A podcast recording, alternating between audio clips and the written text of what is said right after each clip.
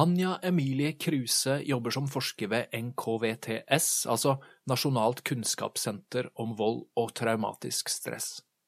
Doktorgradsavhandlingen hennes fra 2020 bygger på dybdeintervjuer med 17 menn som er dømt for voldtekt eller andre former for alvorlige seksuelle overgrep. Anja viser hvordan mennene sliter med å forene handlingene sine, altså overgrepene de er dømt for, med hvem de tenker at de er.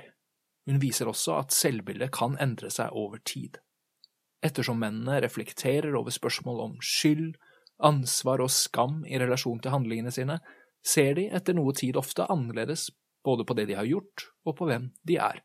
Dette skal du få høre mer om snart. Jeg heter Thomas Ugelvik, og dette er podkasten Kriminologene.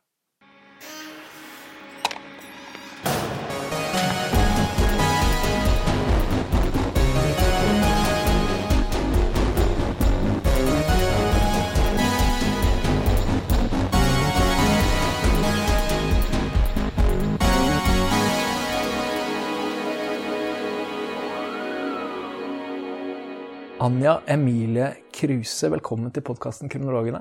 Tusen takk. Er du en kriminolog? Ja. Hva betyr det? Eh, for meg så betyr det at jeg er opptatt av å forstå eh, sosiale fenomener som heter kriminalitet. Um, men det betyr jo veldig mye mer enn det, sikkert. Eh, det betyr eh, Det betyr kanskje å være ja, igjen for meg, da, interessert i de litt sånn mørke sidene ved eh, menneskelivet, tror jeg. Eh, og selvfølgelig å ha en veldig det er, det, jo, det er det jo veldig mange som er. Også folk som er langt fra kriminologer. Så jeg tror kanskje at eh, en sånn kvalifiserende trekk for å være kriminolog er kanskje å være interessert, men også på en litt kritisk måte. Så du knytter deg sånn umiddelbart til dette fenomenet kriminalitet, da? Ja. ja. For egen del gjør jeg det. Men okay. jeg vet at det, er kanskje en litt sjelden fugl, sånn sett. I hvert fall i den norske kriminologifloraen. Faunaen blir det, da, siden jeg sa fugl. Ja, jeg vet ikke. Sjelden. Altså, det spørs jo kriminalitet og kriminalitetskontroll, da. Da favner du jo mye bredere. Mm. Men um, noen kriminologer er jo eh, opptatt av at de um, studerer ting som ikke er kriminalisert, f.eks. også. Så det mm. Ja. Jeg studerer nok først og fremst ting som er kriminalisert. Men mm, akkurat nå for tiden så er det jo en stor diskusjon som pågår om og den har jo for så vidt pågått lenge, om utvidelse av ja, Jeg burde kanskje si at jeg studerer først og fremst seksuell vold, da. Det er mitt primære forskningstema. Og der er det jo en pågående diskusjon som har vart lenge, men som har stadig nye runder og omdreininger, som handler om eh, hvor grensen for kriminalisering skal gå. Så sånn sett så studerer jeg også fenomener som er i gråsonen mellom kriminalitet og ikke-kriminalitet. Ja, og ikke sant. Um, og da tenker du på f.eks. sånn tema som jeg snakket med Mailen Skilbrei om i en tidligere episode. Um, om samtykkelovgivning i forhold til um, voldtektsbestemmelse, sånne ting. da. Det er det du refererte til? Ja, stemmer. Ja. Men du gikk rett i kriminaliteten.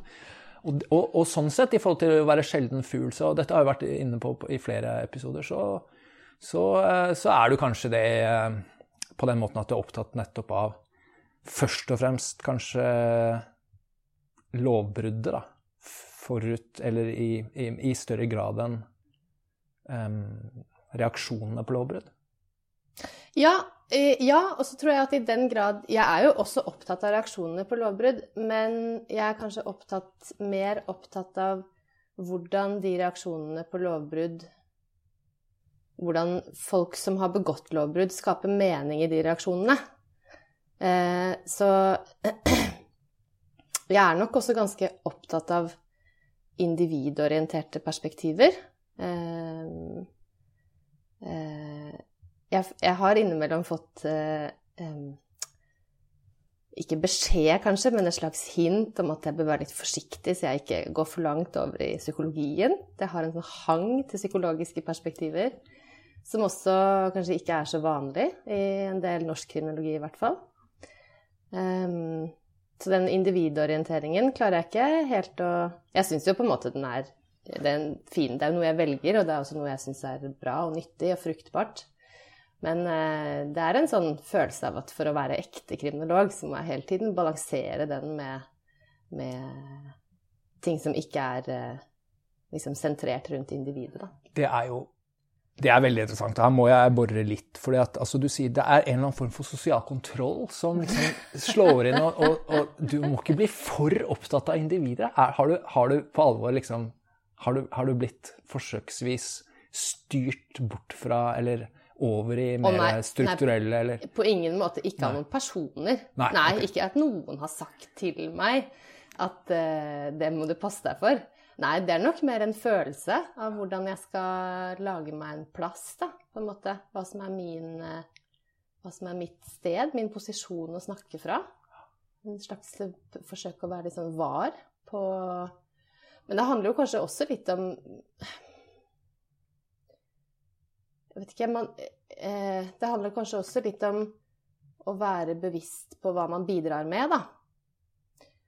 Og, og jeg vil nok insistere på at mitt bidrag også er viktig, men samtidig som jeg har jo lyst til å være i samtale på en måte, med andre kriminologer. Lyst til å både oppfattes som relevant og bidra med noe som er relevant for en større liksom, utvikling av kriminologiske perspektiver. Men altså, um, sånn historisk i Norge så har jo, så har jo uh, kriminologien tatt i ganske stor grad utgangspunkt i at kriminalitet er normalt i en viss forstand. Sånn at uh, vi alle begår lovbrudd. Det har vært noen rettssosiologiske studier av uh, jusstudenter bl.a. som viser at de begikk masse lovbrudd og sånn. Og så har vi en, en, en, forsker som Cecilie Høygård f.eks. har skrevet om det hun kalte type folk-forskning, som veldig sånn negativt.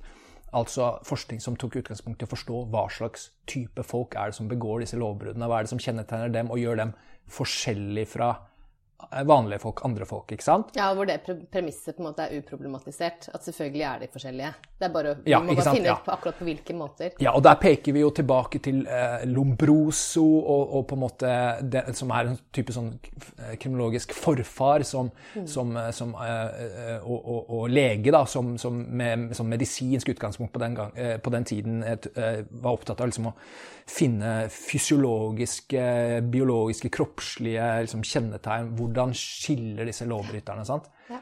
Uh, og, og er, det, er, det den, er, det, det som er bakteppet for at du kjenner på denne her uh, Som ingen har pekt på, det er ingen som sier det er feil, men du kjenner likevel på en slags sånn der, følelse av at jeg gjør noe litt uh, trøblete når jeg er så opptatt av individene. Ja, det er på en måte internalisert, da. Det er jo det, det, er det jeg snakker om, kanskje. Eh, ja, det er veldig morsomt at du skulle nevne den eh, type folkeforskning. Eh, for, altså akkurat den formuleringen der. For det kan jeg faktisk huske at jeg har tenkt. Når jeg har tenkt Det er nok begynner å bli mange år siden. Det, altså, jeg har jo vært på en måte innenfor kriminologien først som student selvfølgelig siden 2006, så det begynner å bli noen år. Men jeg kan huske at jeg har tenkt for meg selv at jeg må passe meg så ikke jeg blir en sånn type folkforsker. Det kan jeg huske. Ja, Og hvordan har du klart det?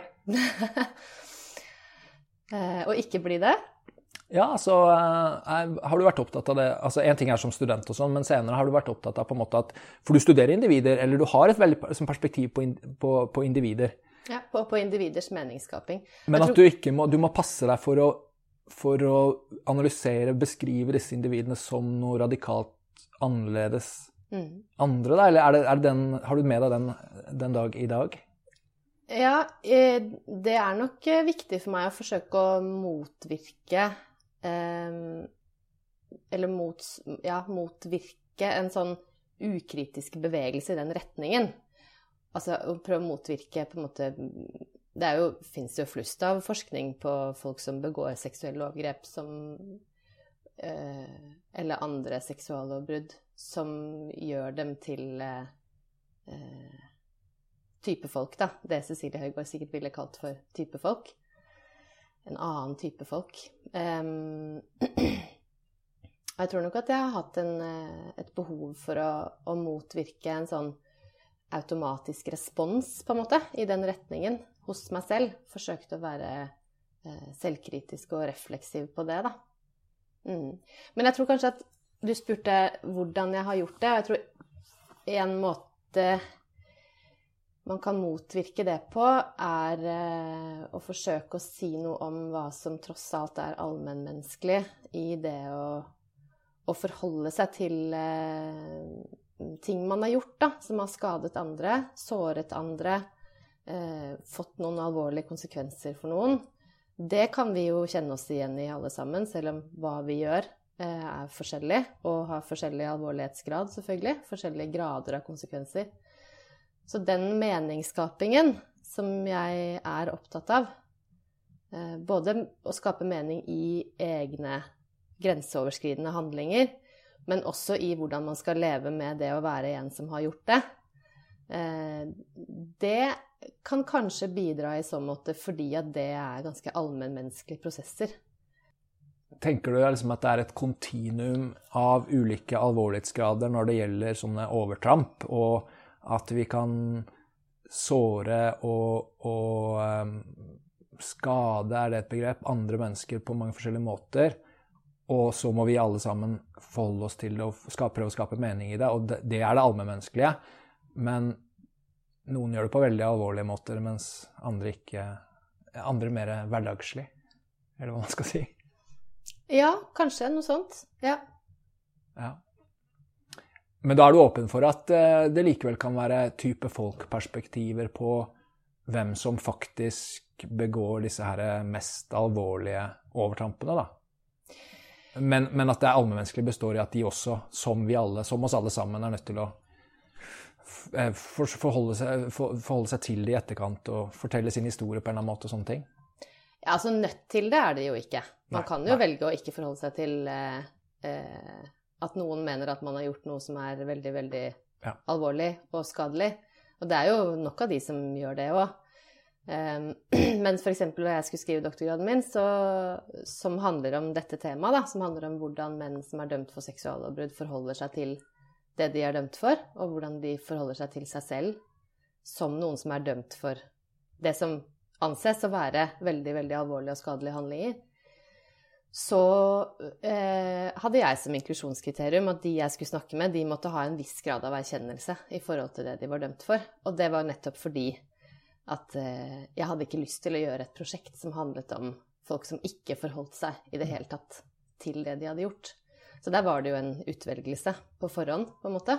Er ikke for det å diskutere eller å, å, forske på, finne ut mer om de som anser seg helt uskyldig dømt for seksuallovbrudd. Det er også et interessant prosjekt, men det var ikke det jeg ville gjøre. Vi skal ta og komme fyldig tilbake til forskningen din senere, men eh, vi må spole litt tilbake. Um, hvordan eh, har det seg at du ble kriminolog, da? Det er veldig fristende å gå tilbake til sånne eh, faktiske hendelser, liksom. Sånn hva jeg studerte, når og hvorfor og hvordan og sånn. Eh, og det Jeg er jo veldig opptatt av historier, som du vet. Det er jo en del av historien, men det er ikke sikkert det er eh, den egentlige historien. Men jeg kan ta den først, da. Jeg eh, var student på Universitetet i Oslo i, på begynnelsen av 2000-tallet og studerte kjønnsforskning. Og den gangen så Det, det het vel eh, tverrfaglig kjønnsstudier, het bachelorgraden min. Så det var sånn eh, Man liksom tok noen emner her, noen emner der, og, men, men, hvor liksom, grunntanken var at man skulle ha og bevare et kjønnsperspektiv da, på det man, det man, studerte. Og så var det en mulighet til å ta Man skulle ta sånn såkalt fagfordypning. Eh, som var at man skulle velge liksom et, eh, en disiplin eller et fagfelt som man skulle ta med seg kjønnsperspektivene inn i, nærmest. Eh, jeg vet ikke helt om de, hadde sånn, om de hadde sånn plan om at vi skulle være som muldvarper. Det kan være. Og akkurat kriminologien hadde, der var det jo flust med kjønnsperspektiver fra før av. Eh, I hvert fall i større grad enn andre fag som folk kom inn i. Men jeg bestemte meg da for å ta fagfordypning i kriminologi. Eh, så det betød at siste året på bacheloren, tror jeg det var, så var jeg på Institutt for kriminologi og rettssosiologi. Eh, og det syns jeg var veldig fint, da. Å være der syns det var eh, veldig, Jeg syns det var veldig spennende. Eh, og spennende på en sånn måte som både var intellektuelt utfordrende og liksom helt på ordentlig spennende. Hvis du skjønner hva jeg mener med det? Ja. Så det er derfor jeg nøler litt med denne historien, da, for jeg har lurt litt på Det er jo voldsom interesse for kriminologifaget om dagen. Og så har det vært mange forsøk på å forstå hva det handler om. Og så er det noen som mener at det eh, Ja, hva tror du det handler om, Thomas? Altså med interesse mener du, mener du ja, eh, både, student... både at vi har eh, masse studenter, det er Ja. masse studenter som vil studere kriminologi. Både på enkeltemnefag og liksom på gradene. Eh, og, og kanskje også en liksom økt interesse for kriminologiske perspektiver der ute i samfunnet. Hva tror du det handler om? Um, ja. um, nei, det er et godt spørsmål. Det med studenttilstrømming, eller hva man skal kalle det. Altså ehm, Det har vel noe med liksom tema og sånn å gjøre, rett og slett. At det, at det høres litt eh, folk, folk vet for det første kanskje ikke helt hva det er, sånn at det er jo interessant. Oi, det, hørtes, det har jeg ikke hørt om, ikke sant? At det er en effekt. Og, ehm, og vi er jo som samfunn på en eller annen måte eh, ekstremt opptatt av kriminalitet og straff. Sånn, nå tenker jeg sånn populærkulturelt. Og, altså, så, så det er veldig sånn og, vi, og, og ikke minst folk eksponeres jo i populærkultur for det de tror er kriminologer, eller en slags kriminolog. Um, Jodie Foster i, i, i 'Nattsvermeren' spiller jo en kriminolog, liksom.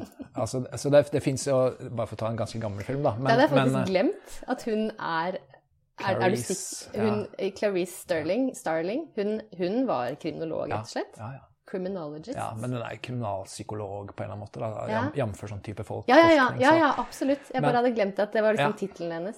Sånn, at, sånn at det er jo masse, det er masse sånne Jeg tror det, er- det, det, det, det drar jo mye, selvfølgelig. Og så er det litt unikt, for at det fins bare ett institutt, og det kan jo virke eh, fristende kanskje på en eller annen måte. Og nei da, der fins det bare Det er bare ett sted, du må dra dit. Jeg vet ikke om det er bra, mens hvis du har lyst til å studere sosiologi, så kan du gjøre det på hvert eneste skjær, liksom.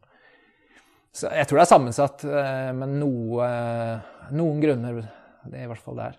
Ja. Jeg tror du er inne på noe av det jeg har lurt på, da. Om, eh, om, om jeg Hvis jeg skal være ærlig med meg selv, så er det jo en eller annen slags Ja, jeg sa det jo helt innledningsvis, dette med liksom Jeg syns at det å forsøke å forstå menneskelig mørke er eh, både viktig og spennende og utfordrende. Um, og så syns jeg jo også, som jeg jo også har sagt noe om, at uh, det er jo ikke sånn at det fins lyse og mørke mennesker i verden. Liksom. Det fins mørke i alle. Uh, og det um, Ja, det, er, det ligger noe der. Jeg lurer på om det ligger noe der. Så når du spør hvorfor jeg ble kriminolog, så er liksom noe av svaret handler om at det var den veien jeg gikk, og det var eh, det stedet jeg etter hvert begynte å føle meg hjemme, eh, og hvor jeg kjente at her er det rom for å utvikle noen ting som jeg syns er spennende å forske på. Men det handler også om på en måte en eller annen slags interesse som ble vekket da, i de første årene på instituttet. Kan du huske den første kriminologiske boken du ble eksponert for? Eller artikkel, eller hva? Den første gang du leste Som jeg ble eksponert for. Nei, den første, den første du leste. Nei, det var nok eh, culture of control, altså. Var det det, ja? Si, jeg, jeg perm til Nei, nei, det var ikke det, vet du. ja jeg trodde på det nå. Du trodde, ja. å, du trodde på meg? Ja, ja, ja. Ok. Em, eh, nei, altså, nei, jeg må virkelig innrømme Jeg sa det fordi at jeg har hørt på podkasten din før, Thomas, og dette Garland har vært et tema hos andre av gjestene dine. Eh, at denne boken, som er sikkert da er veldig, veldig bra, og, og er vel kanskje revolusjonerende, var det da den kom. Men eh, den var altså fullstendig ugjennomtrengelig for meg. Det er derfor jeg tulla med det. Og det, jeg, jeg føler meg litt som en dårlig, Man føler seg litt som en dårlig kriminolog da, når man ikke har lest Culture Control fra perm til perm. Du, du har gitt opp, ja? Nei, det kan jo være jeg kommer til å gjøre det en ja. gang. Nei, det er ikke for Men, sent. eh, og altså, jeg har lest i den, men fra perm til perm kan jeg ikke skryte på meg å ha lest. Um, uh, jeg tror at den første boken i kriminologi som jeg faktisk leste fra perm til perm, og som jeg syns var helt sånn overordentlig spennende, det var 'Gategallerier' av Cecilie Høygård. Ja. For den hadde jeg på pensum da på midten av 2000-tallet, og da var den ganske ny. Husker ikke akkurat når den kom, men det må ha vært rundt da. Eh, og den syns jeg var helt sånn eh, vilt fascinerende. Og veldig, veldig, jeg synes den er veldig godt skrevet, da. Jeg har ikke lest den siden, faktisk, men jeg husker veldig godt inntrykket. Eh, jeg husker liksom hvor jeg satt da jeg leste den, hvis du skjønner. Mm. Eh, Og det som var fascinerende med den, var jo at den bretta ut et miljø. Den handler om, hva skal man kalle det, graffiti, hiphop-miljøet. Eh, det vil jo de sikkert protestere vilt på, at de blir slått sammen til ett miljø. Men eh, i Oslo på 2000-tallet eh, Folk som tagger, folk som lager musikk, folk som eh, rapper, folk som eh, lager graffiti. Og på en måte forholdet mellom dem og omverdenen, da. Og hvordan de navigerer i en omverden som misforstår dem og syns de er vandaler og dumme og hun, hvis jeg husker riktig, så har hun et helt kapittel om den Taggerhue-kampanjen til eh, Oslo Sporveier på 90-tallet. Eh, så for de som eh, er så gamle at de husker den, så var det Eller for de som ikke er så gamle at de husker den, så var det eh, plakater som hang på trikken hvor liksom hjernen eh, Det var et bilde av en ung mann, eh, et frontalfotografi, og, men var liksom det stedet der hjernen skulle vært var rett og slett tatt ut, altså klippet ut av eh, pappen. Eh, og så var det, hang det en sånn liten tråd med en sånn eh, sprayboks, en sånn kule, som var inne i spraybokser. Sikkert for å forhindre at malingen skulle sette seg eller et eller annet. Så den hang der og dingla liksom på trikken for å vise hvor tomme i huet taggerne måtte være. Litt sånn løsemiddel. Var sånn, spilte på sånn løsemiddelskadefordommer. Altså det var en helt utrolig fornærmende og eh, provoserende kampanje som bare skulle si én ting, nemlig at taggerne var idioter. Vil du være Don't be that guy, liksom. Ikke vær en dum tagger. Ja, nå kjenner jeg at jeg jobber meg litt opp. Så da skjønner du kanskje hvorfor jeg likte den boka, da. Jeg syns at den eh, viste fram det som for mange var liksom en litt rar og uforståelig og dum subkultur, da. Og gjorde den til noe veldig annet. Og den handler også veldig mye om meningsskaping. Ja, altså Hiphop-kulturen generelt hadde vel allerede da når den boka kom, for lengst begynt å på en måte mainstreamifiseres eh, ja, ja. sånn musikkmessig og sånn, men, men, akkurat det der med tagging eh, eh, og, og, da tenker jeg ikke på sånne store, vakre eh, veggmalerier over hele med masse farger og sånn. Jeg tenker på liksom det her å skrive navnet sitt på en vegg, liksom, ikke sant? eller sånn mm. aliaset sitt. Det var jo, og er vel i stor grad den dag i dag, fremstilt som fra voksenlivets perspektiv som helt sånn tullete. Og hærverk, ikke sant? Ja, folk og, blir veldig provosert av det. Ja. ja. Og Cecilie Høygård, hun tok jo liksom den her ungdoms- slash til dels nesten barnekulturen på, på alvor og, og viste hvordan det, intern, det eksternt sett så ser det ut som tull og hærverk og Rablerier, liksom. Ja, ikke sant? Også, ja. Men internt så gir det masse mening, og så forsto hun det, på en måte. Og så i tillegg fantastisk utgivelse. Må ha vært veldig kostbar for Pax, var det vel, å gi ut med sånn tjukt billedinnsnitt med, ja. med vakre, bilder i vakre farger osv. Så, videre. så nesten en sånn um, coffee table book, egentlig, mer enn egentlig. en fagbok. sant? Nesten, ja. Og så må jeg bare si da, at jeg lette etter denne boka faktisk for noen dager siden eh, i bokhylla mi, og fant ut at jeg har den ikke. Så jeg har lånt den bort. Så hvis noen som hører på denne podkasten, vet at de har lånt den av meg, så vennligst lever den tilbake. For den er åpenbart viktig for meg, da. Ja, det kan du nok se langt etter. Jeg husker, jeg husker at Cecilie Høigård har, har skrytt av at eh, denne boka var en av de mest stjålte bøkene. Ja. Eh, så det, det, var, det er kult, selvfølgelig. Ja. Det betyr at man har lesere. Ja, det tror jeg. Hvis jeg husker riktig, så har noen skrytt av, eh, av din bok også. En av de mest stjålte bøkene på biblioteket i Oslo fengsel. Ja, nei, det, det, er et kompliment inni der et sted, så det tar jeg med meg. Takk for det. jo, bare hyggelig. Um, men, men, jeg må jo si uh, at uh, det var nok den første. Men det har vært to andre bøker også som har vært veldig viktige for meg og som er veldig som, på helt andre måter. Eh, fordi at eh, eh, dette Jeg visste jo at dette spørsmålet om bøker skulle komme, og det var egentlig litt fint, for da fikk jeg tenkt liksom tilbake. Det er ikke så ofte man får muligheten til det. Eh, og da slo det meg at eh, eh, Og dette høres jo kanskje ja, jeg, nei, men det, men det, er så du, Jeg sa at jeg husker hvor jeg satt da jeg leste Gategallerier. Jeg husker også akkurat hvor jeg satt da jeg leste de to andre bøkene, som også har vært veldig viktig for meg. Og jeg husker også noe som skjedde, jeg vet ikke om det skjer med alle, eller bare om det bare er meg, men jeg, får, jeg kan få sånn høy puls. når jeg leser noe som jeg syns er sånn helt uh, sjukt interessant og veldig, veldig gøy, og som åpner opp sånn Du vet når man kjenner at huet bare utvider seg mens man leser. Og det er selvfølgelig voldsbilder i hverdagen av Kristin Skjørten. Eh, om menns perspektiver på konemishandling, tror jeg er undertittelen.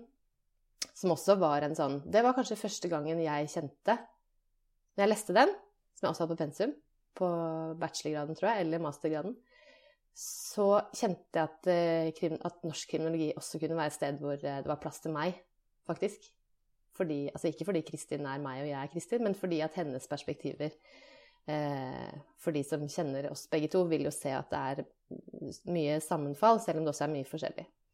Så liksom det å forstå eh, veldig moralsk forkastelige og, og forhatte handlinger fra perspektivet til de som har begått dem, det var egentlig Kristin sin bok den første, tror jeg. I hvert fall som jeg leste, da. Første gang jeg fikk, fikk se at det var plass til det også i norsk kriminologi. Så det var veldig viktig for meg. Eh, I tillegg til at eh, de analysene er eh, veldig gode og omfattende og liksom de er, de er tykke. Det er tykke analyser, og med det mener jeg at de omfatter mye og tar inn mye av perspektivene til de mennene, i tillegg til mange andre perspektiv, som er veldig fint. Og så er det selvfølgelig den narrativ kriminologi. Det var den liksom siste skuddet på stammen. Husker jeg første Altså narrativ kriminologi, en sånn samling, sånn artikkelsamling. Jeg tror du også har en Ja, du har også en eh, artikkel i den boka. Narrative Criminology fra ja New York University Press eller noe sånt, redigert av Sveinung Sandberg og Lois Presser. Um, og der husker jeg også hvor jeg satt. Og det var nemlig på kontoret den første høsten på doktorgraden, hvor jeg kjente at OK, her finnes det. Det perspektivet jeg har lett etter, det, er, det finnes. Det er her. Og da kan jeg brette opp ermene og fortsette. Så det var også utrolig fint. Har du et mål med forskningen din? Hva tenker du om um, innflytelse? Jeg tenker at det er eh, eh, Det, det syns jeg, jeg synes det er litt vanskelig å svare på det. Selvfølgelig har jeg et mål med forskningen min.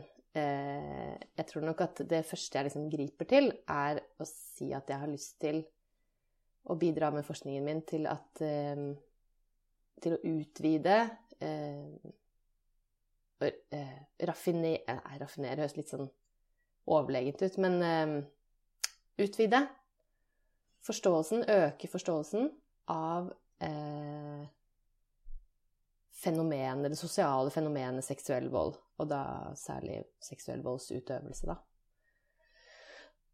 Og hvorfor i alle dager er det viktig, kan man jo spørre seg om. Vet vi ikke nok om det, liksom? Holder det ikke å vite noe om hvilke konsekvenser, hvor store konsekvenser det kan få for de som utsettes, og hvordan de kan hjelpes, og, og eh, hvordan man kan eh, ja, på en måte minimere skadene, da. Eh, og det er selvfølgelig helt sentralt og utrolig viktig i all forskning på seksuell vold. Men jeg har tenkt lenge, og liksom har forsket også delvis ut fra det, at jeg lurer på om det er vanskelig å den norske psykologen Per Isdal eh, har jobbet mye med vold gjennom hele sin karriere. Og han en gang, skrev en gang at eh, for å forebygge vold, så må vi forstå vold. Og da mener han ikke forstå som i liksom akseptere at sånn er det, eller det er en grunnleggende menneskelig et eksistensvilkår, nærmest. Eller han mener ikke, ikke forstå på den måten, men eh, forstå for å kunne forebygge. Forstå for å kunne brette ut. For å kunne forebygge. Sånn at eh, jeg håper jo at min forskning skal kunne bidra til det målet. Fordi det er jo ikke noe tvil om at seksuell vold skaper utrolig mye eh, lidelse. I, I, Oslo, i Norge, i verden, liksom. Det er jo sånn, dessverre. Så hvis det går an at min forskning kan være en puslespillbit eh, som kan bidra til at den kollektive forebyggingsinnsatsen, som vi jo er enige om, i hvert fall i Norge og store, i store deler av verden er vi jo enige om at det er viktig å prioritere forebygging av både alle, alle, typer vold, men kanskje særlig seksuell vold, får mye oppmerksomhet. Eh, og hvis min forskning kan bidra til å gjøre det lettere,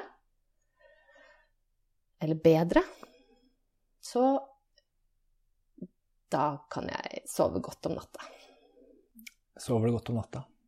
Eh, ja, ikke alltid. Men, hvordan, hvordan, vet man altså Spørsmålet mitt er jo egentlig Jeg er jo ikke ferdig, vet du, Thomas. Nei, jeg er jo helt ja. på begynnelsen. Ja. Ja. Ja, men det kjøper jeg. Sånn at du har det langsiktige perspektivet. Sånn at på et eller annet tidspunkt Så du kan, du kan sove godt om natta i mellomtiden, vel vitende om at du ikke har nådd målet ditt ennå.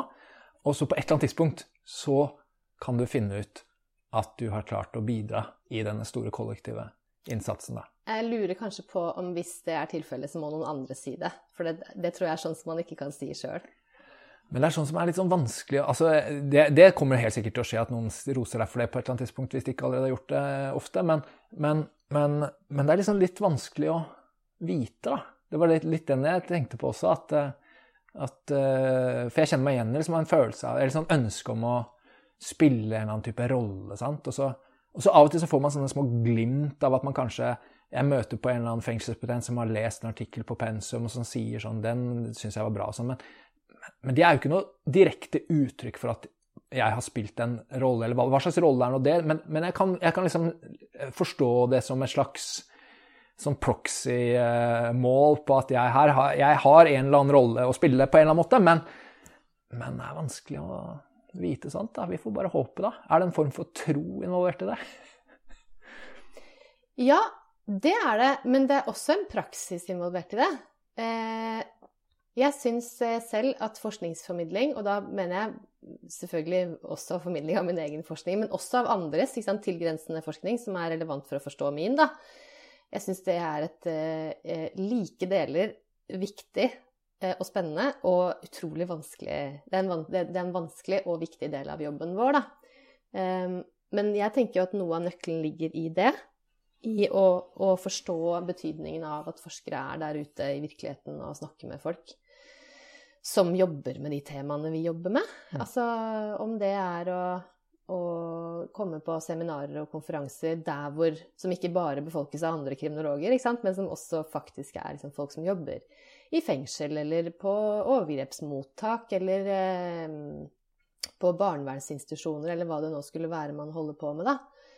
Eh, og eh, anstrenge seg for å, å, snakke om sin egen forskning på en måte som eh, gjør det mulig å ha en samtale, liksom, som ikke bare er sånn at vi skal komme og belære, men å kanskje tilby andre perspektiver, eller fortelle, altså, fortelle om noe som overrasker oss, og høre liksom er det noe som overrasker dere?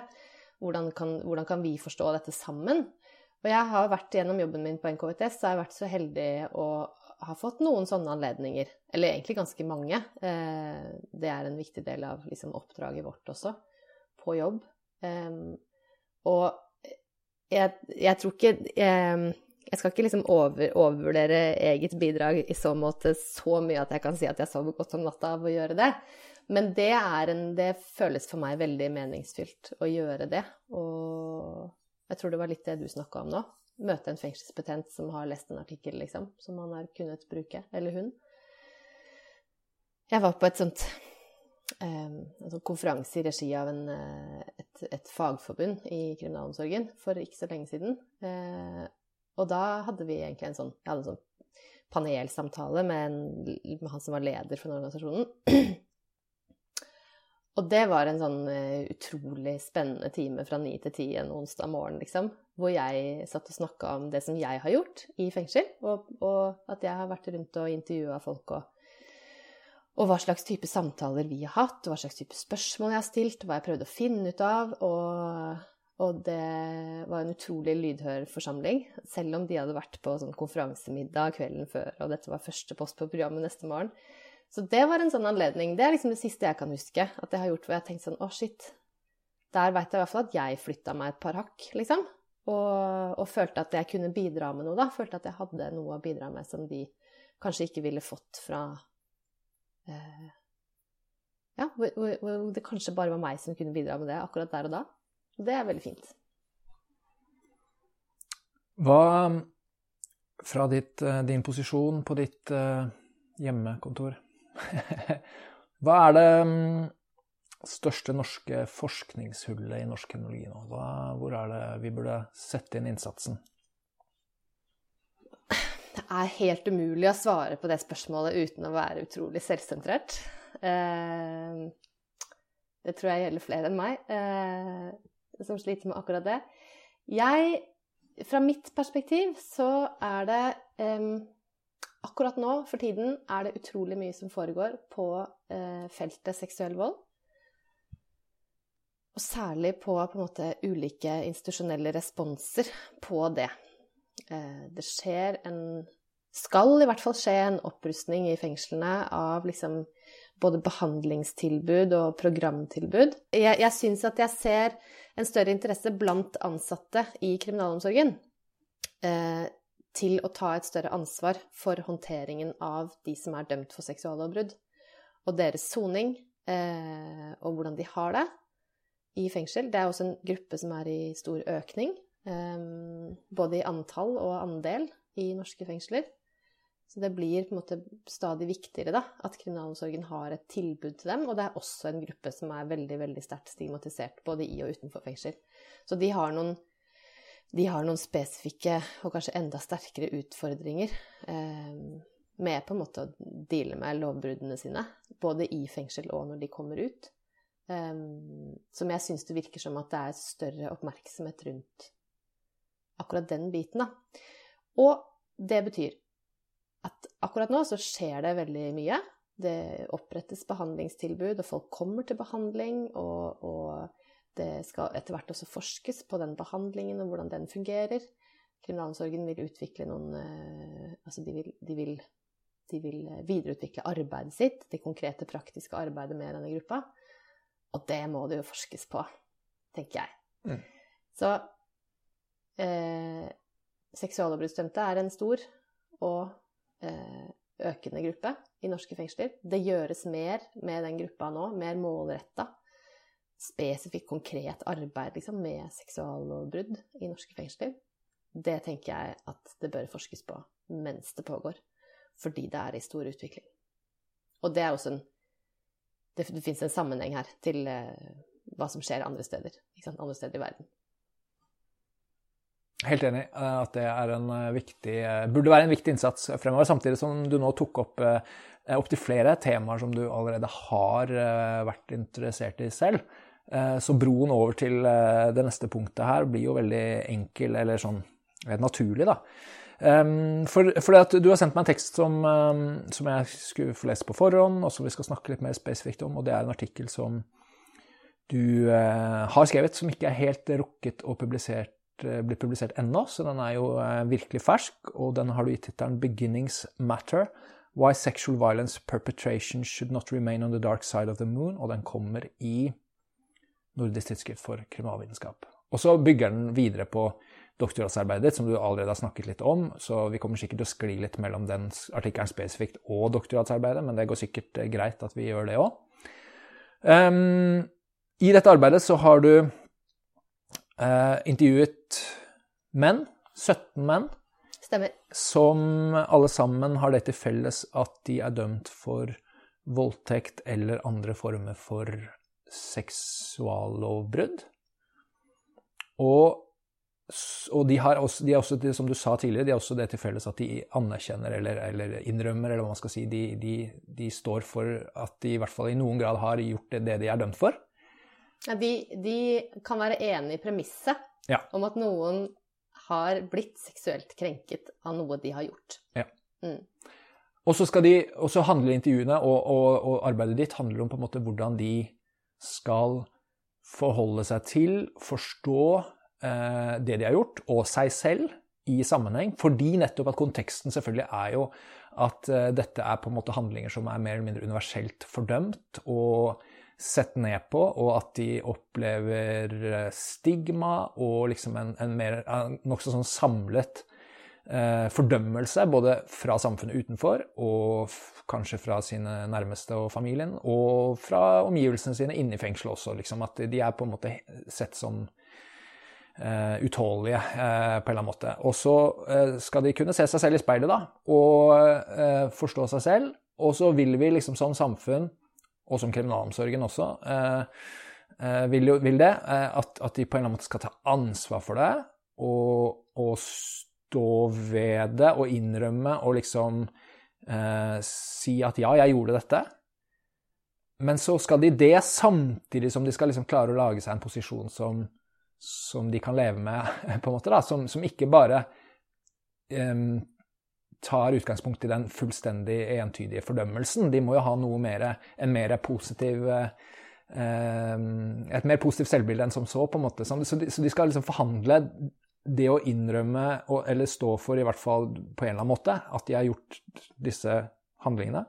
Men de skal ikke bare være um, sånne overgripere, sånn som, forstår, sånn som samfunnet forstår, forstår, dem. ikke sant? Um, og du stilte egentlig spørsmålet på en måte til deg selv liksom tidligere også. Hvorfor skal vi holde på med det her, da? Skal vi ikke bare, for Jeg vet ikke om det er spørsmål som du stadig blir stilt, eller om du bare kjenner på det. Men eh, er det ikke Ofrene trenger hjelp, de må få hjelp, liksom. Også, mm. ja. Det må de. Og det, um, det er selvfølgelig Altså, jeg, jeg, har tenkt noen ganger at hvis jeg hadde bodd i et land og forsket i en kontekst hvor det hjelpebehovet, eller anerkjennelsen av hjelpebehovet for de som er utsatt for seksuell vold, hadde vært ikke, altså ikke eksistert, eller ikke på noen måte hadde eh, At ingen hadde vært interessert i å dekke det, liksom, så tror jeg ikke at jeg hadde forsket på dette. Eh, og når jeg sier det, så betyr jo ikke det i det hele tatt at jeg mener at eh, omsorgen for og hjelpetilbudet til og rettighetene til de som er utsatt for seksuell vold, er liksom perfekt håndtert i Norge, for sånn er det heller ikke. Men, eh, men det er en anerkjennelse i Norge av at dette er et viktig, viktig samfunnsprioritering å, å jobbe med offeromsorg, da, hvis vi skal kalle det det sånn generelt. Eh, så det er nok en viktig forutsetning for at jeg føler at det er plass til denne forskningen her, da. Det er jo det. Ehm, eh, jeg får faktisk ikke så ofte det spørsmålet direkte. Jeg vet ikke om det er fordi folk ikke lurer på det, eller fordi de ikke tør å spørre. um, uh, altså det spørsmålet 'Hvorfor i all verden skal vi jobbe med dette?' Nei, men hvis vi tenker litt tilbake til det kunnskapshullet, da. Um,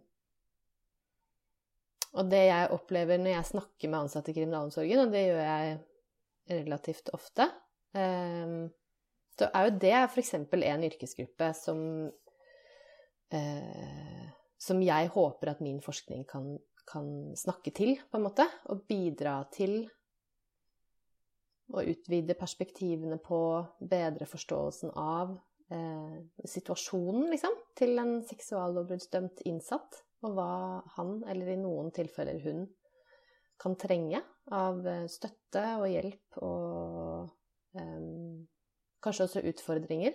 Altså direkte Altså at noen utfordrer dem, da. For å komme videre i en eller annen prosess. For det er også en forventning der ute om at sant, når man kommer inn i fengsel, så skal man gjennom en prosess. Man skal komme ut på andre siden som en ja, god nabo, da, ikke sant, som de liker å si. Um, og da tenker jeg at det, er, at det, er, dumt at de som jobber med denne gruppa, eh, skal ha veldig sånn Nei, det var litt negativt sagt. Jeg tenker at det er viktig at kunnskapen deres om um, de de skal jobbe med, er så god som mulig, og at den er kontekstsensitiv. Og med det mener jeg at jeg tror det er dumt om vi importerer for mye kunnskap fra eh, USA og Australia og England. Og jeg sier engelsktalende land, for det er jo stort sett der forskningen kommer fra. Det er ikke gitt at en seksuallovbruddsdømt i Michigan har de samme behovene eller eh, kvalene eller eh, bekymringene som en seksuallovbruddsdømt fra Mysen, liksom. Um, så jeg syns det er viktig at det finnes folk som jobber med disse temaene også i Norge. Det handler delvis om kulturell kontekst, men det handler også om lovgivning. Forskjell i lovgivning. Det er Altså, gruppen seksuallovbruddsdømte i Norge er faktisk dømt for delvis ganske andre ting enn eh, gruppen seksuallovbruddsdømte i f.eks. USA. Eh, og de lever også under andre forhold når de kommer ut, fordi at eh, den sosiale kontrollen av seksuallovbruddsdømte i USA er veldig, veldig sterk. Det er jo disse registrene som de må forholde seg til ofte i mange tiår etter at de slipper ut. Og da kunne man jo tenke seg at stigmatiseringen av seksuallovbruddsdømte i Norge ikke, ikke eksisterer eller ikke finnes, og det er jo ikke riktig, men den tar andre former. Og det betyr at hvis jeg hadde vært forsker på dette i USA, så hadde jeg nok vært veldig opptatt av hvordan disse registrene virker inn i folks liv, og hvordan de motvirker det målet til kriminalomsorgen eh, i Norge. Og, altså, jeg skal ikke si at kriminalomsorgen i USA har som øverste mål å drive med rehabiliterende arbeid, for det er sikkert eh, vært en, en, en hel podkastserie å diskutere hvordan det henger sammen. Men altså, kriminalomsorgens mål i Norge er rehabilitering. Det er det som er poenget med straffen som vi utmåler som samfunn. Eh, og da tenker jeg at det er viktig å ha god kunnskap om det norske samfunnet for å kunne eh, jobbe for et sånt mål, da. Mm. Ja, og, og, det norske samfunnet, sier du. Altså, eh, du tok jo utgangspunkt i, kriminalomsorgsansatte som yrkesgruppe på en eller annen måte, og at, ja. at det er fint å, å, å klare å, å, spille inn noen perspektiver dit. Men, men, så har du på en måte samfunnet for øvrig der ute. og og den kriminologiske fortellingen om um, den norske befolkningen er jo at vi sånn relativt sett ikke er så veldig straffekåte, uh, uh, for å bruke et sånt begrep. Uh, forskning av Leif Petter Olaussen bl.a. med flere viser liksom at jo mer kontekst du gir folk, jo mindre er de interessert i å straffe, jo flere liksom, nyanser ser de osv. At, at det er ikke et sånt der unisont rop om høyere straffer og på en måte der ute. Det er i hvert fall mye mer nyansert enn det. Men når det gjelder den gruppen som, som på en måte du uh, har fokusert på, så er det klart at uh, der uh, kan man vel fornemme en nokså sterk vilje og, og, og, og, ønske og, liksom Ønske om å, straffe mer og straffe hardere, straffe mer brutalt, nesten, på en måte. sant? Og, jeg tenker på altså En ting er det politiske perspektiv. Vi hadde jo en justisminister på et tidspunkt som kalte eh, kalte seksuallovbestemte. Litt annen gruppe enn det du har sett på, da, men, eh, men de eh, pedofile overgreperne, som hun kalte det, for monstre, ikke sant? Ja, og så sa hun at eh, det å kalle dem for monstre var bare å kalle en spade for en spade. Ja, ja, ja. Men, men, men ute i, i, befolkningen også, altså du har sånne Den første episoden av podkasten snakket jeg med Heidi Mork Lomell om de her barnas trygghet, eh, ja. eh, ikke sant? Som, som, som, er en gruppe som jobber med å konfrontere eh, overgripere. Eh, og, og, liksom eh, Jobber er kanskje en overdrivelse? Ja, jo, det kan du godt si. Men ja, jeg er enig i det. Men, men, men det, har skjedd en, en, profesjonalisering av den gruppen, og de har en vakker nettside. og Det, er liksom, det, er ikke, det har skjedd mye eh, siden starten, eh, hvor det var liksom en håndfull folk som bare eh, begynte å gjøre dette og filme det, til, til i dag, virker det sånn. da. Men også, også har du sånne grupper på på Facebook som, eh, som, en som heter Nabovarsel, bl.a. også der hvor, eh, hvor, det eh, er en som eh, drar rundt i Norge og eksponerer eh, overgrepsdømte og, og, liksom banker på dører i nabolaget og sier fra til sjefen deres. ikke sant? Um, Legger ut dommer på sosiale ja, medier også. Ja, ja. Eh, og, og, hvis leser, hvis man, hvis man, har lyst til det, og leser kommentarfeltene der, så er det liksom en voldsom altså det, er, det er på en måte oppfordring til, til tortur og, og, og, det som verre er. ikke sant? Her, Disse fortjener på en måte ikke Det er ikke mennesker. De, de burde tortureres eh, til døde. liksom. Altså er, vi, er, vi, er, på det nivået, da. Når folk snakker om mm, de som utøver seksuell vold, som en del av liksom å diskutere hva vi skal gjøre med samfunnsproblemet seksuell vold, så snart det var snakk om liksom, utøvere, da, så var på en måte svaret veldig enkelt. Det var å få flere inn i fengsel. Altså flere, flere anmeldt, flere dømt, flere inn i fengsel. Og så, og så, var det akkurat som at i folks hoder så stoppet det der. At bare man får flere inn i fengsel, så Det vil på en måte på magisk vis ikke løse problemet, så naive er det ingen som er, men, men, men det var på en måte det var svaret som ble gitt i liksom ulike debatter, offentlige store debatter som det jo har vært en del av i Norge sant, om dette temaet. Og da husker jeg at jeg tenkte at ja, det må jo skje noe etter det, liksom. Hvis, vi skal, altså det må jo, hvis, folk, hvis flere folk skal i fengsel Det er jo ikke noen løsning i seg selv. Eh, jo, man får inkapasitert folk, det gjør man jo selvfølgelig. De kommer, er jo ikke ute på gatene, selv om det er jo ikke der stort sett at voldtekter skjer, for så vidt de er ikke på fest, da, eller uh, ute i hjemmene sine og kan forgripe seg på folk de bor sammen med. Men jeg husker at jeg tenkte det må være, vi må ha et annet svar enn det. Liksom. Det må være noe mer enn det å putte folk i fengsel. Det er ikke noe svar i seg selv. Husker jeg at jeg tenkte. Så får du spørre meg om ti år om hva, hva, hva det svaret da eventuelt skulle være. Mm. Jeg er ikke sikker på om jeg skal finne ut av det, da. Helt, I hvert fall ikke på egen hånd. Men, eh, men, eh, men det var en viktig sånn Det var, det var noe som Det var, det var et litt sånn utilfredsstillende. Utilfredsstillende mm, tiltak, på en måte. Ja, forslag til tiltak.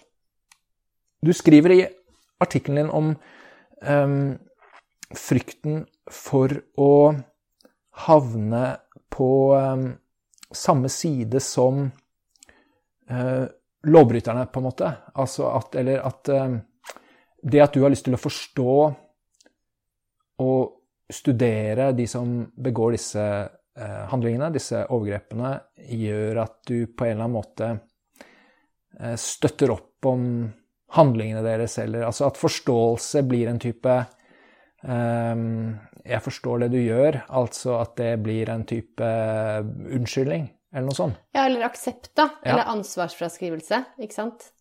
At hva, hva Altså i den talehandlingen å si 'jeg forstår', 'jeg forstår det', 'jeg forstår deg', liksom. Sier jeg da også at jeg aksepterer at du gjør det du gjør, eller aksepterer at ansvaret ditt Når man forstår noe, blir da ansvaret også mindre måte, hos den som blir forstått, da. Det kan man jo stille seg på. Og det er et spenningsfelt som jeg nok eh, ofte opplever at jeg står i, ja. Mm. Og jeg tenker kanskje at det er en Altså det å være bevisst om det spenningsfeltet er kanskje en forutsetning for å kunne forske på dette. Fordi at jeg kan, jeg kan aldri glemme at de jeg snakker med, eh, har gjort noen ting ute i verden som har skadet andre. Og det sitter noen andre ute i verden og er skadet, eller eh, i hvert fall har, potensielt blitt skadet. Da. Jeg kan jo ikke vite akkurat hva som har skjedd med dem, men jeg kan anta eh, Nei, jeg vet at skadeligheten i det de har gjort, er veldig høy. Og jeg har jo også intervjuet utsatte for seksuell vold, så jeg har jo Jeg har jo på en måte Den erfaringen har jeg også med meg, ikke sant? Så det må jeg minne meg selv på. Og det vil jeg minne meg selv på. Jeg tenker at det er en del av Nå blir det litt sånn pompøst her, men jeg, jeg, jeg mener faktisk det. Da, at det er en del av forpliktelsene jeg har til feltet. Um, at når jeg vil bidra med disse perspektivene, så er det vel vitende om at de er én brikke. De er en del av puslespillet, men de er ikke hele bildet. Så du vil forstå, eller du tenker at du må forstå, men ikke akseptere at det er en grense eller en sånn Det er en grøft du kan gå i, på en måte, der. Og så, og så tenker jeg at det må jo være en annen grøft, en motsatt grøft. At du på en måte, noen av perspektivene dine, f.eks. Når, når du skriver hvis du skriver, altså du skriver at det fins noen som ikke vil 100% godta skylden for det de har gjort, eller som har problemer med å anerkjenne at offeret faktisk har blitt skadet osv. Ja, det kan jo være mat rett inn i eh, sånne grupper som Barnas Trygghet eller, mm. eller eh, nabovarselgruppen. Liksom, at de kan da få bekreftet noen av sine tanker. At, at det er en annen grøft du kan gå i, da. Absolutt. Så jeg tenker at jeg, jeg skal verken kan eller skal Altså, jeg skal løfte fram de fortellingene som finnes der. Um, men jeg har nok vært opptatt av å å lete spesielt etter kompleksiteten da, og nyansene i det jeg forsker på. Og det er jo fordi eh, det kanskje er og har vært en mangelvare. Ikke sant? Kompleksiteten og nyansene. Og når jeg sier det her og nå, så kjenner jeg at da får jeg lyst til å følge opp med å si liksom Vi skal ikke kompleksitere dette vekk, på en måte. Så det, det er en sånn ryggmargsrefleks som slår inn ganske kjapt, da nyanser betyr ikke at alt er grått, ikke sant? Mm, mm, ja.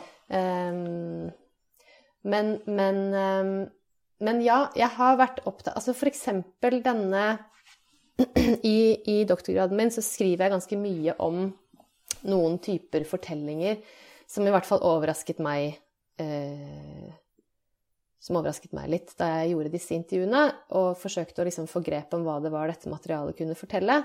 Og det er nemlig fortellinger som handler om veldig sterk grad av eh, selvansvarliggjøring. Altså menn som da er veldig opptatt av Jeg syns ofte så syns jeg de mennene jeg snakket med, gikk veldig langt i å um, løfte fram eget ansvar, løfte fram egen skyld, uh, fortelle om ikke bare at de angret, men hva de angret på, og hvorfor. Uh, og fortelle om hva de skulle ønske at de kunne gjort for disse ofrene, uh, da liksom en del år etter at dette hadde skjedd. Eh, og det var masse, masse, masse skam, selvfølgelig. Det er jo tett knytta til denne tematikken uansett. Men også på, den, på, denne siden, da, hvis vi bruker sånne ord som det. På denne siden av liksom månen, eller ligningen, eller hva man skal kalle det, så er det masse skam. Og den skammen er jo interessant på mange måter.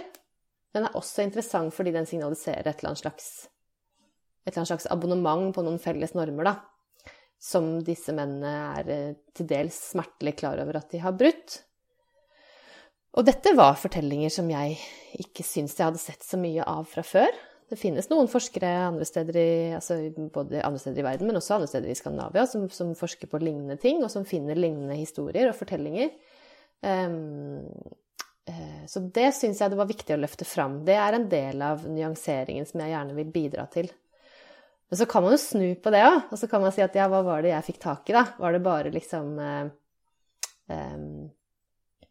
eh, institusjonaliserte narrativer, på en måte, eller institusjonelle narrativer som disse mennene hadde overtatt, og fortelle videre til meg om at nå er de så ansvarlige og har endret seg så mye og eh, Jeg tror ikke det, da. Jeg tror det handler om Det kan selvfølgelig handle delvis om det, men eh, jeg tror og mener at de analysene jeg har gjort, viser også at det er ikke bare det. Dette er også på en måte sensemaking på ordentlig. Selv om alle sosialkonstruktivister vil jo si at det fins ikke noe sensemaking på ordentlig. Det vil alltid være et sosialt fenomen, det òg. Men, eh, men, det skjer, da. Ikke sant? Det skjer. Folk driver med dette. Folk driver og prøver å liksom get their head around hva det er de har gjort, og hvilke virkninger det har hatt i verden. Og det tenker jeg er viktig å, å også vise fram at det skjer, også i denne gruppa. Mm. Ja, og, og, det skjer kanskje oftere og oftere, holdt jeg på å si. Altså, du, du, sa i hvert fall noe om at, uh, at de, um, de, tar større og større plass i Fengsels-Norge. Uh, jeg sjekka så vidt uh, inne på, um, i kriminalstatistikken til SSB i dag morges, faktisk. Og um, per 1.1.2020 så var det 645 seksuallovbruddsdømte i fengsel. Eh, fordeler vi det på sånn 350 plasser ca., så er jo nesten 20% Det er i hvert fall dobbelt så mange som eh, for ti år siden. Eh, noe av det har jo selvfølgelig å gjøre med økning i straffenivået, som gjør at de, altså de hoper seg jo dermed opp fordi at de får lengre straffer.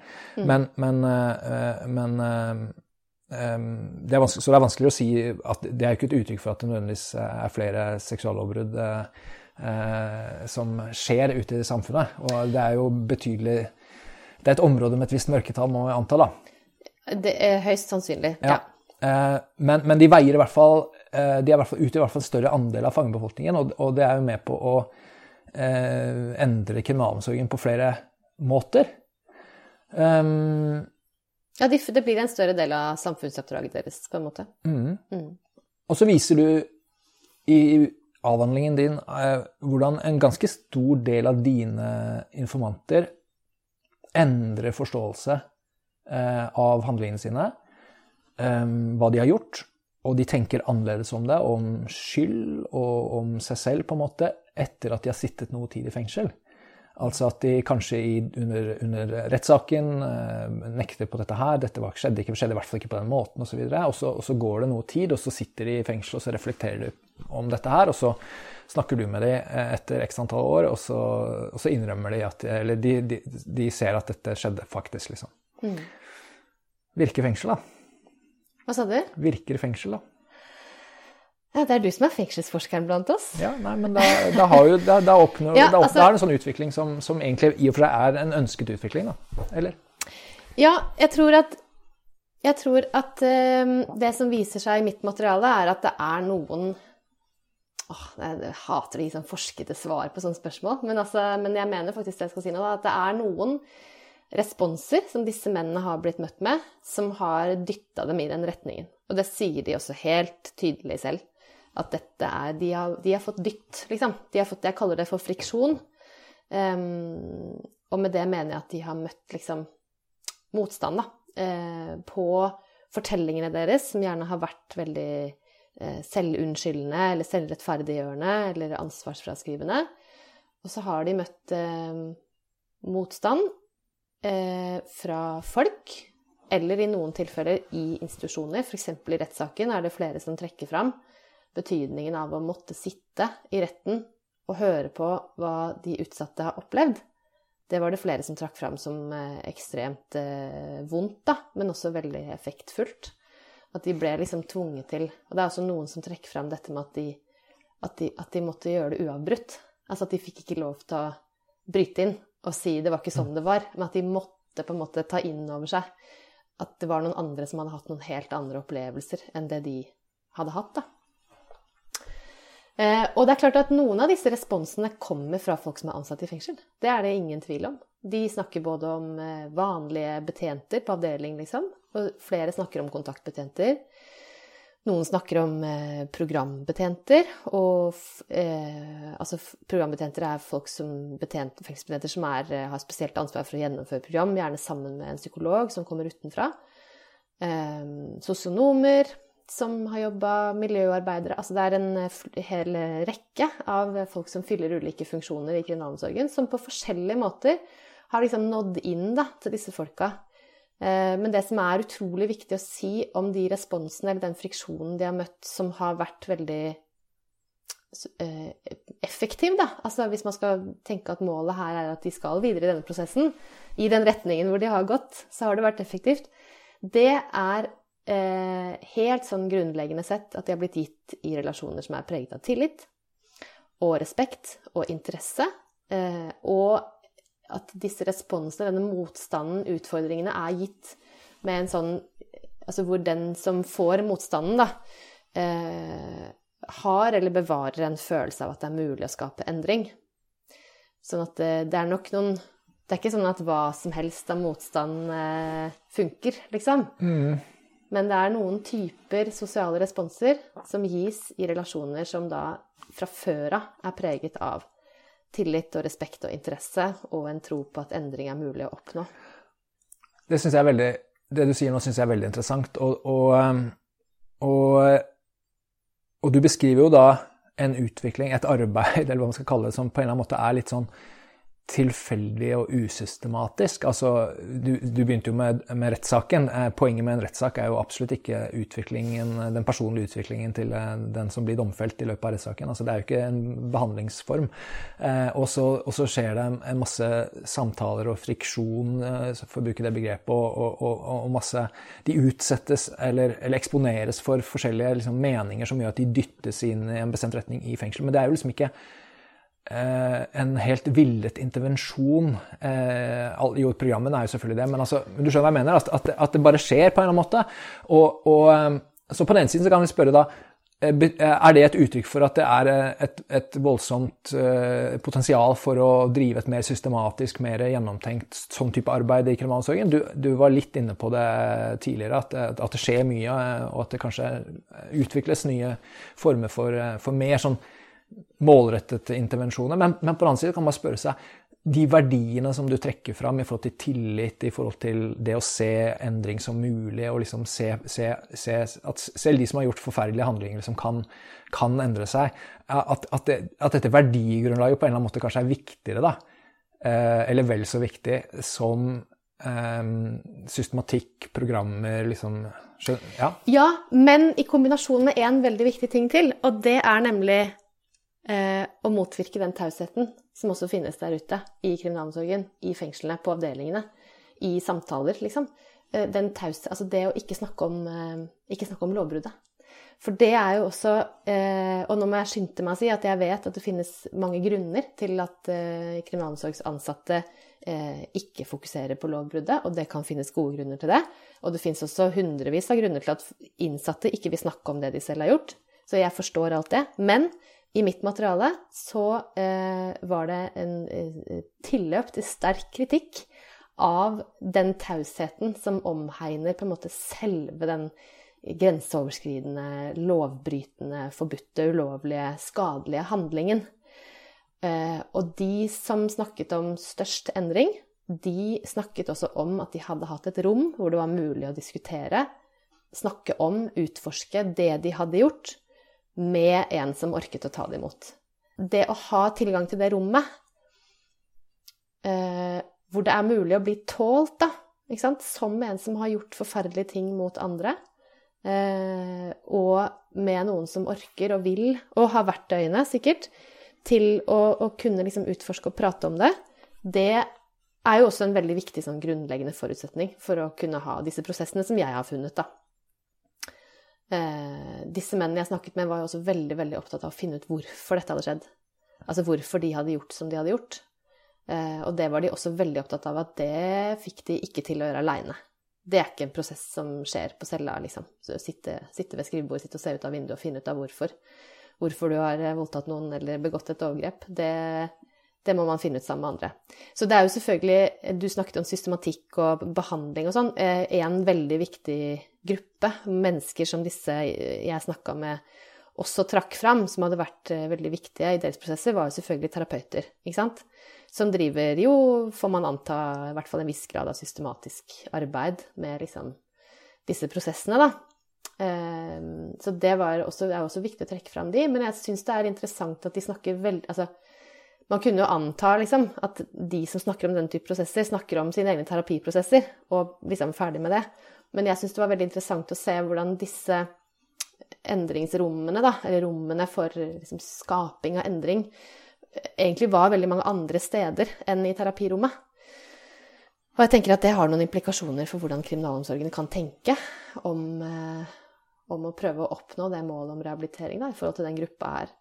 Um, jeg tenker Vi vet jo begge to, og sikkert mange der ute som hører på også, om eh, avdelinger i, i, fengsler i Norge som jobber liksom innovativt og, og eh, systematisk og ganske sånn bevisst om eh, med seksuallovbruddsdømte og deres vilkår i fengsel. Jeg tenker på avdeling M i Bergen fengsel. Eh, som jo er en såkalt blandeavdeling, hvor de har eh, et antall med plasser for seksuallovbruddsdømte og et antall med plasser for folk som ikke har seksuallovbruddsdom.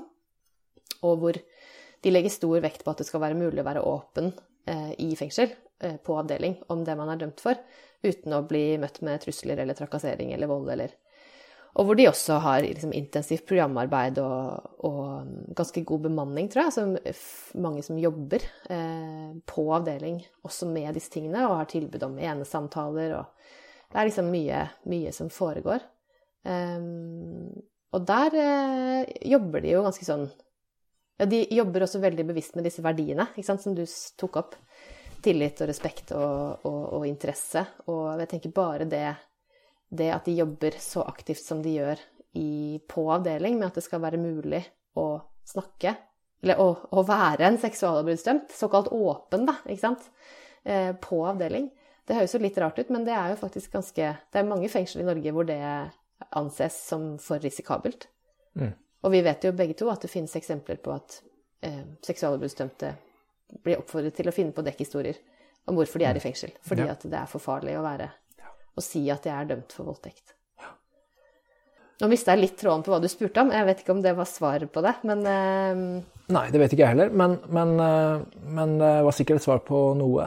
Og, uh, og, det, og det, at det finnes sånne avdelinger, det er jo på en måte et uttrykk for kanskje også at en gjengs, liksom i anførselstegn vanlig fengselsavdeling nettopp ikke er et miljø som du sier, som, eh, hvor det kanskje er tilrådelig eller enkelt å stå frem med den type eh, lovbrudd, eh, den type bagasje, da, for å si det sånn.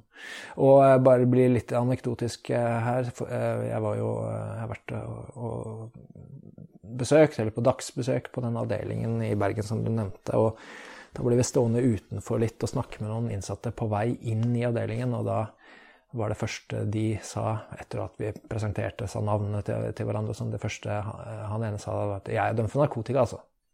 Ja. eh, altså, ikke sant, Underforstått. Du skal, vite, du skal vite at jeg ikke er en seksuallovbryter.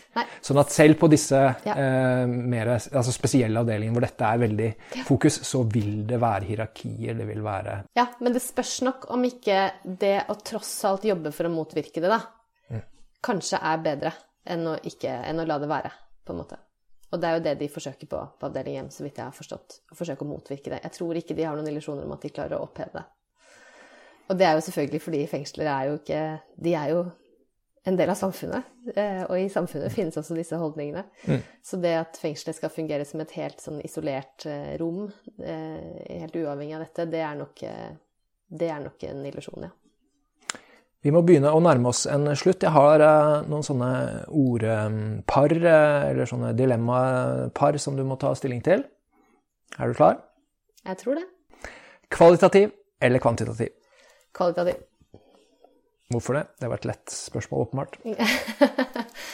Eh, fordi jeg er nok eh, en sånn kvalitativ forsker som er eh, mer opptatt av kvantitativ forskning enn mange andre.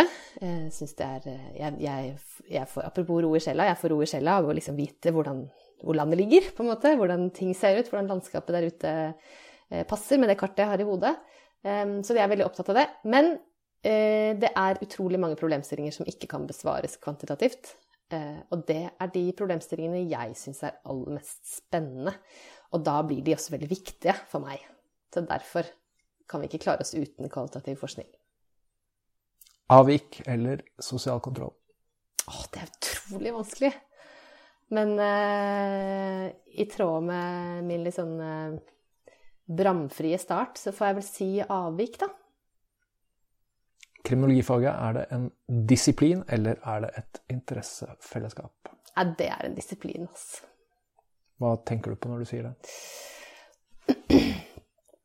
Nei, det er, litt, det er jo et, også litt, et litt vanskelig normativt altså det er, er det normativt eller deskriptivt, det spørsmålet? Eh, jeg antar, bare ut fra hvordan jeg kjenner deg, at du mener det ikke bare deskriptivt, men også normativt. Jeg mener at det bør være det. Jeg mener at kriminologi eh, bør eh, få rom til, og gi seg selv rom til å rendyrke liksom, sin egenart. Eh, og så er det jo topp at man kan tiltrekke seg liksom eh, interesserte fra andre disipliner. Men eh, at vi er vår egen disiplin, det vil jeg mene. Og at vi kanskje har noen systemer for at de kan få lov til å bli kriminologer, da, hvis vi tiltrekker dem. Ja, ja, ja. Ja, ja, det er topp. Altså, det må være høyt under taket. Vitenskap eller politikk? Vitenskap. Hvorfor det? Eh, fordi Altså, jeg er veldig tilhenger av at vitenskap skal brukes til noe, som jeg, vi snakket om tidligere. Eh, og jeg har heller ingen illusjoner om at politikk og vitenskap eksisterer uavhengig av hverandre. Men, eh, men eh, mine mål som forsker, de er orientert mot det vitenskapelige, og ikke mot politiske mål. Skal forskning være viktig eller morsom? Du kan jo ikke spørre en uh, voldtektsforsker om det. Kan jeg ikke? jo, nei, det kan du. Eh, det er veldig fint om andre har det morsomt på jobb, altså. Det er topp. Eh, det hender at jeg har det, jeg òg. Eh, men eh, jeg vil nok si Jeg vil nok si viktig. Jeg vil nok si viktig. Men når du svarer sånn, det, dette var jo også interessant, er det forbudt for voldtektsforskere å ha det morsomt på jobb? Nei, det er ikke det. Det er ikke det. Og, og hvis du bytter ut morsom med liksom spennende eller givende eller fascinerende eller eh, eh, utviklende, eh, så er jo altså svaret på alle de er jo ja, eh, heldigvis. Hvis ikke så tror jeg kanskje ikke jeg hadde orket å holde på med dette. Eh, men akkurat morsomt. Altså um, uh, jeg har jo noen eh, voldtektsforskerkollegaer der ute um, som uh, syns det er Vi syns det er Altså, dette med galgenhumor Det alle som jobber med veldig alvorlige temaer, er jo helt liksom, skjønt enig seg imellom om at galgenhumor er veldig viktig. Men det er også en liksom, privat virksomhet, ikke sant. Det er, det er litt, litt av særegenheten med galgenhumor er at den fungerer i noen kontekster og absolutt ikke i andre.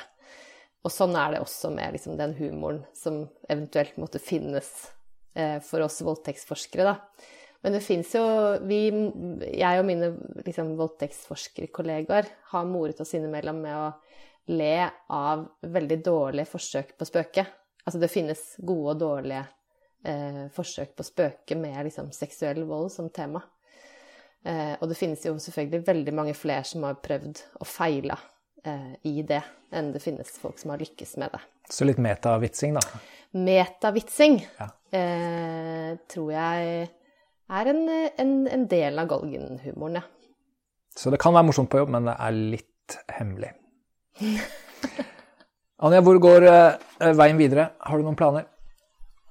Akkurat nå så jobber jeg med å forstå hvordan ungdommer eh, tenker rundt seksuelle krenkelser og seksuell vold, og, og, også hvordan de tenker om disse begrep. Altså ikke bare om måte, det som skjer, men også disse begrepene og grenseoppgangene for dem. Det er et veldig spennende prosjekt, for vi Jeg sier vi fordi vi en, jeg jobber i en forskergruppe med noen andre, noen flere. Vi intervjuer både såkalt vanlige ungdommer, altså videregående skoleelever, eh, og vi intervjuer utsatte for eh, seksuell vold eller seksuelle krenkelser, og vi intervjuer folk som selv har tråkket over andres grenser. Alle disse er unge, mellom 18 og 23. I tillegg til at vi intervjuer folk som jobber i skolen med å håndtere seksuell vold eller krenkelse blant unge. Og eh, vi skal også i gang med en studie av gjennomføringen av ungdomsstraff i seksuelle, altså seksuallovbruddssaker med unge involverte. Så det er det jeg skal holde på med de neste par årene, i hvert fall. Vi er ferdig med store deler av datainnsamlingen og skal begynne å, eller har begynt å skrive nå. Um, så det er planen. Og så har jeg jo skrevet en avhandling, da, som jeg har tenkt å prøve å få utgitt som bok. I litt omarbeidet form. Etter, mens og etter at jeg jobbet med avhandlingen, så har det kommet utrolig mye spennende forskning fra andre skandinaviske land som handler om samme tema. Så jeg har et slags mål om å prøve å eh, eh skrive den boken liksom i dialog med det andre har funnet ut. Da. Både det som stemmer og ikke stemmer overens med det jeg selv har, har funnet ut. Så det er de umiddelbare planene. Og så var det sove godt om natta. Var det ikke det som var målet på sikt? Det høres bra ut. Lykke til med alt sammen, og tusen takk for at du ville være med på podkast. Takk for at jeg fikk lov å komme.